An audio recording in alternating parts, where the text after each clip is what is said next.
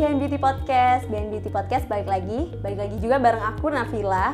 Di Behind Beauty Podcast kali ini spesial banget kalau biasanya nih kita ngebahas rinoplasti bareng dokter. Nah, sekarang kita bahas bareng pasiennya langsung, pasien dari Plastetik Klinik tentunya. Pasti teman-teman Behind Beauty udah mulai penasaran nih, gimana sih cerita rinoplasti dari sisi pasiennya langsung. Nah, di samping aku udah ada Karere nih. Halo Karere, apa kabar? Halo, kabar baik. Alhamdulillah. Oh iya Kak Rere, aku aku yakin teman-teman tuh penasaran banget dan aku juga penasaran banget.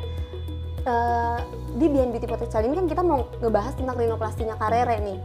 Eh, apa sih yang memutuskan eh, yang membuat Kak Rere memutuskan untuk melakukan rinoplasti? Hmm, sebenarnya aku waktu mau Rino itu juga banyak pertimbangan ya dan Mm-mm. itu udah lama banget aku mau Rino sebenarnya udah dari tahun 2000 berapa ya 2006 deh kalau Udah lama banget ya berarti? Iya, Udah berapa tahun yang lanjut. lalu tuh? 6, 7, 8, 9, 10, Puluhan 11, tahun. 12, 13, 14, 15, 16, 17, 18, 19, 20, 21, 22, udah 12 tahun. Iya, jadi maju mundur maju mundur gitu karena kan masih eh, mikirnya harus di luar negeri atau di Indonesia Hmm, gitu. Karena terus dengan dengan seiringnya waktu berjalan, aku lihat semakin lama eh, di apa Di di, plastetik nih. di Indonesia ini kok kayaknya bagus Mm-mm. gitu. Makanya aku akhirnya kemarin memutuskan aku mau Rino seperti itu. mungkin kalau eh, 10 tahun yang lalu mungkin 10 tahun lebih itu mungkin bedah plastik di Indonesia masih kurang Ya, ini kali ya gitu. kak Mm-mm. tapi kan sekarang udah banyak nih terutama di plastik klinik tentunya ya Iya. kak ya Kak Rere tahu plastik klinik dari mana kak?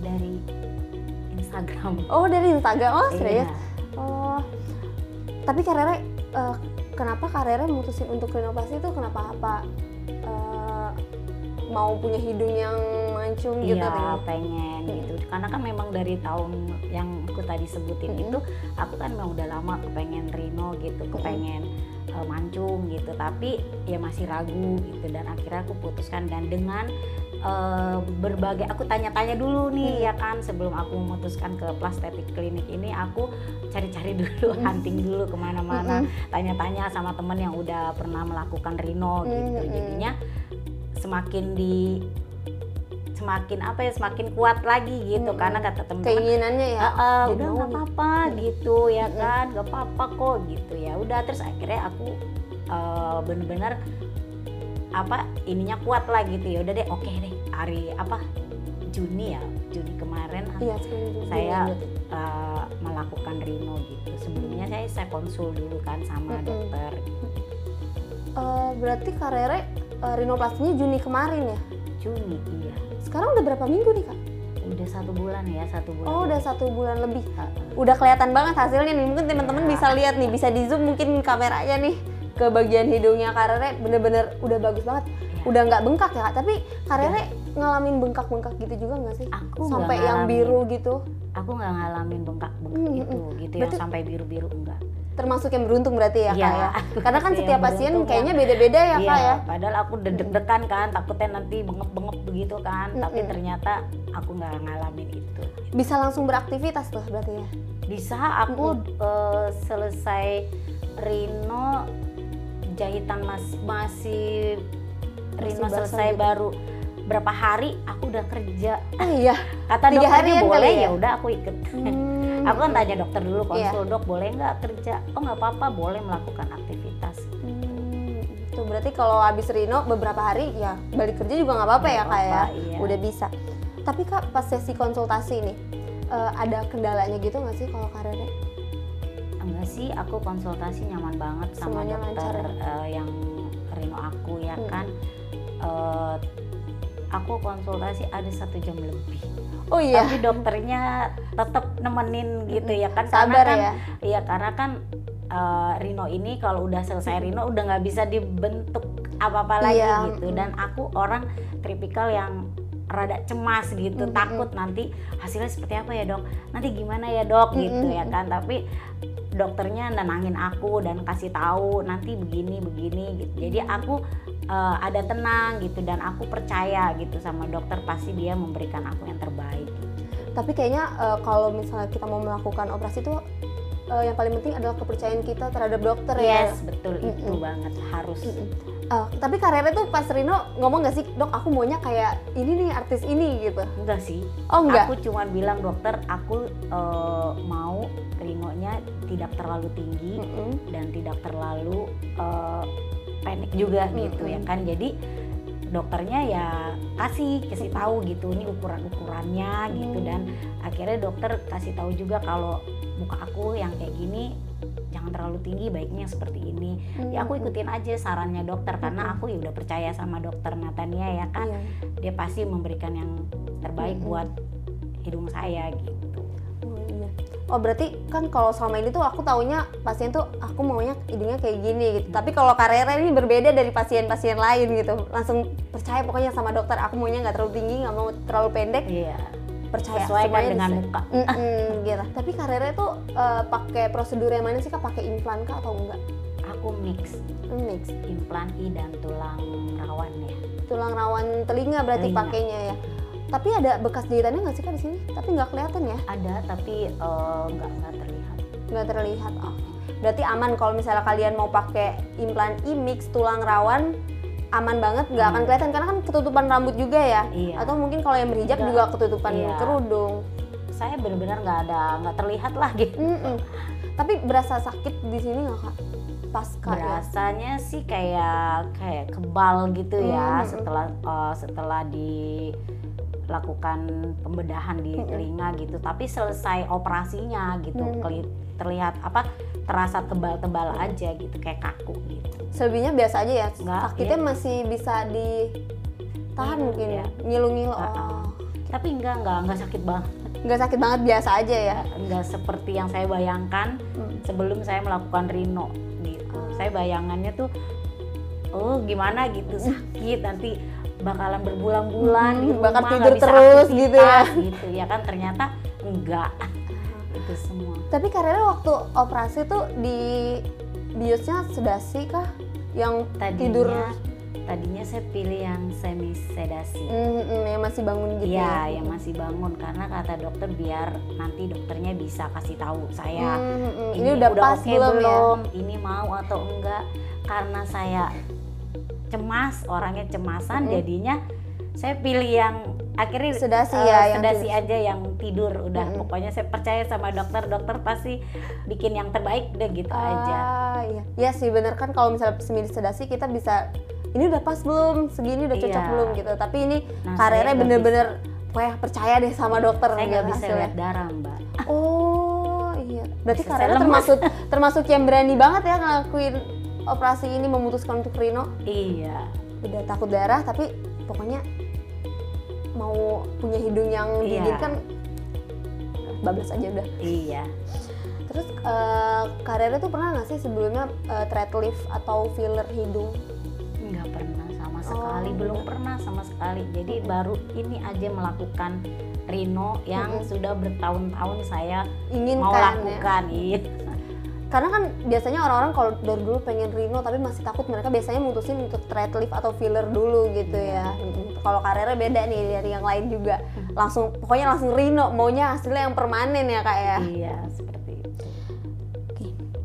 Terus persiapan apa sih yang Karere eh, siapkan nih sebelum operasi? mental Pasti ya mental tuh pasti Iya. ya. Karena saya deg-degan kan takutnya karena udah pilihannya eh, apa sedasi kan Mm-mm. tidur bis total ya deg-degan gitu itu sih persiapan itu sama eh, apa support dari keluarga sih Hmm. gitu ya kan karena eh, dokter bilang kan kalau sudah bius sedasi itu yang tidur nggak bisa dirubah lagi kalau Iya, misalnya benar. udah jadi misalnya tidak tidak sesuai dengan yang kita mau jadi nggak bisa dirubah lagi nah itu sih saya paling mental yang saya persiapkan bener-bener Tapi kalau perasaan eh, Karere nih sebelum operasi gimana? Masih agak pelin-pelan-pelin nggak bener nggak nih ya ngelakuin Rino gitu? iya iya Oh pasti ya kayak Iyalah, gitu ya. iya. sampai kan udah konsul tuh satu jam setengah ya kan waktu di sebelum Rino kan sebelum melakukan Rino terus satu hari pas hari haknya Mm-mm. saya konsul lagi Oh iya.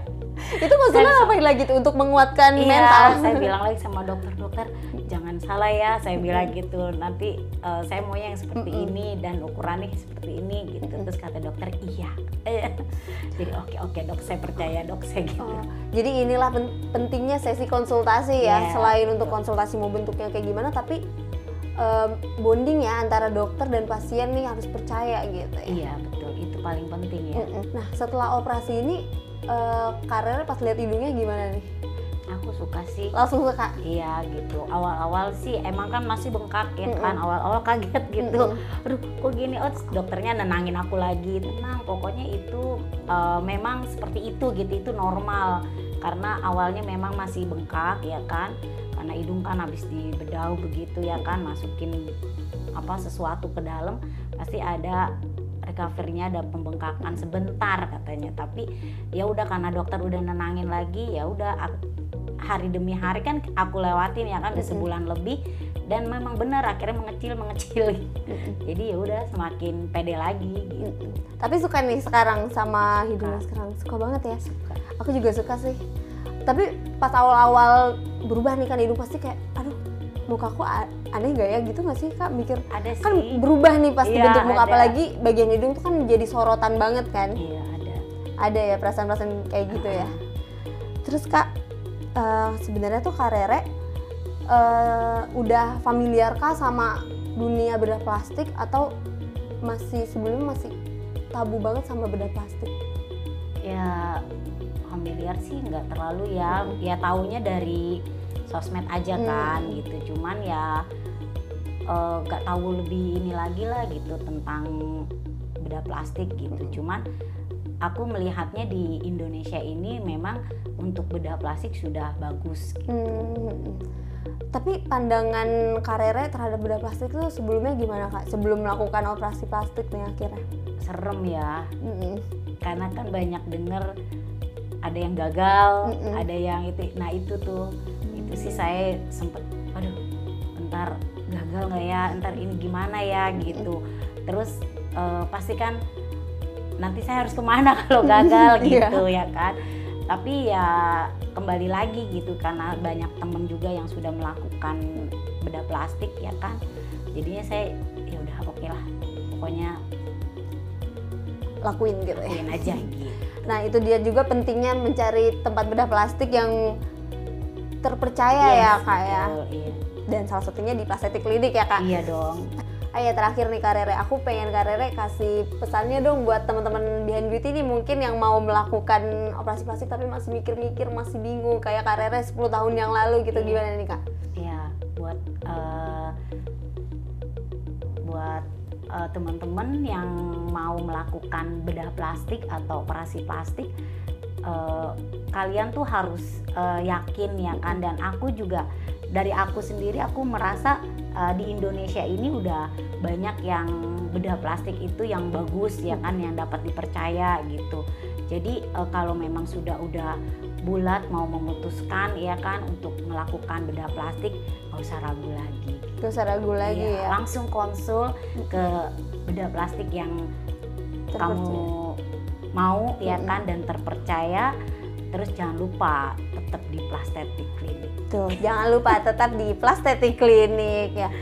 Yang penting mungkin kalau ada keinginan eh, konsul dulu aja kali ya kak gitu Ya, ya. Karena boleh. kan kalau kita udah Oh, penting udah sih kayaknya pengen tapi masih ngambang-ngambang nih kayaknya mau yang kayak gimana sih nanti tuh akan kayak gimana kan kalau udah konsul akan dikasih tahu ya kak Iya. ke depannya tuh akan seperti apa gitu itu itu sih penting yang Hmm. pen- terpenting konsul dulu iya konsul dulu Uh, buat temen di gimana? Plastetik Klinik konsulnya itu nggak dijamin kok jadi Mhm. mau berapapun berapa jam pun kalian akan dilayani iya oleh akan dokter-dokter yang sabar baik. banget deh dokter-dokternya kamu mau yang kayak gimana takutnya Iya. apa sih nanti akan dikasih solusinya akan Betul. seperti apa gitu nah buat teman-teman Bian Beauty Podcast nih mungkin ada yang pengen operasi tapi masih takut nah lebih baik lakukan konsul dulu biar kita tahu nih eh, eh, ketakutan kita tuh apa sih? Dan nanti akan dikasih solusinya sama dokter. Ya kak ya?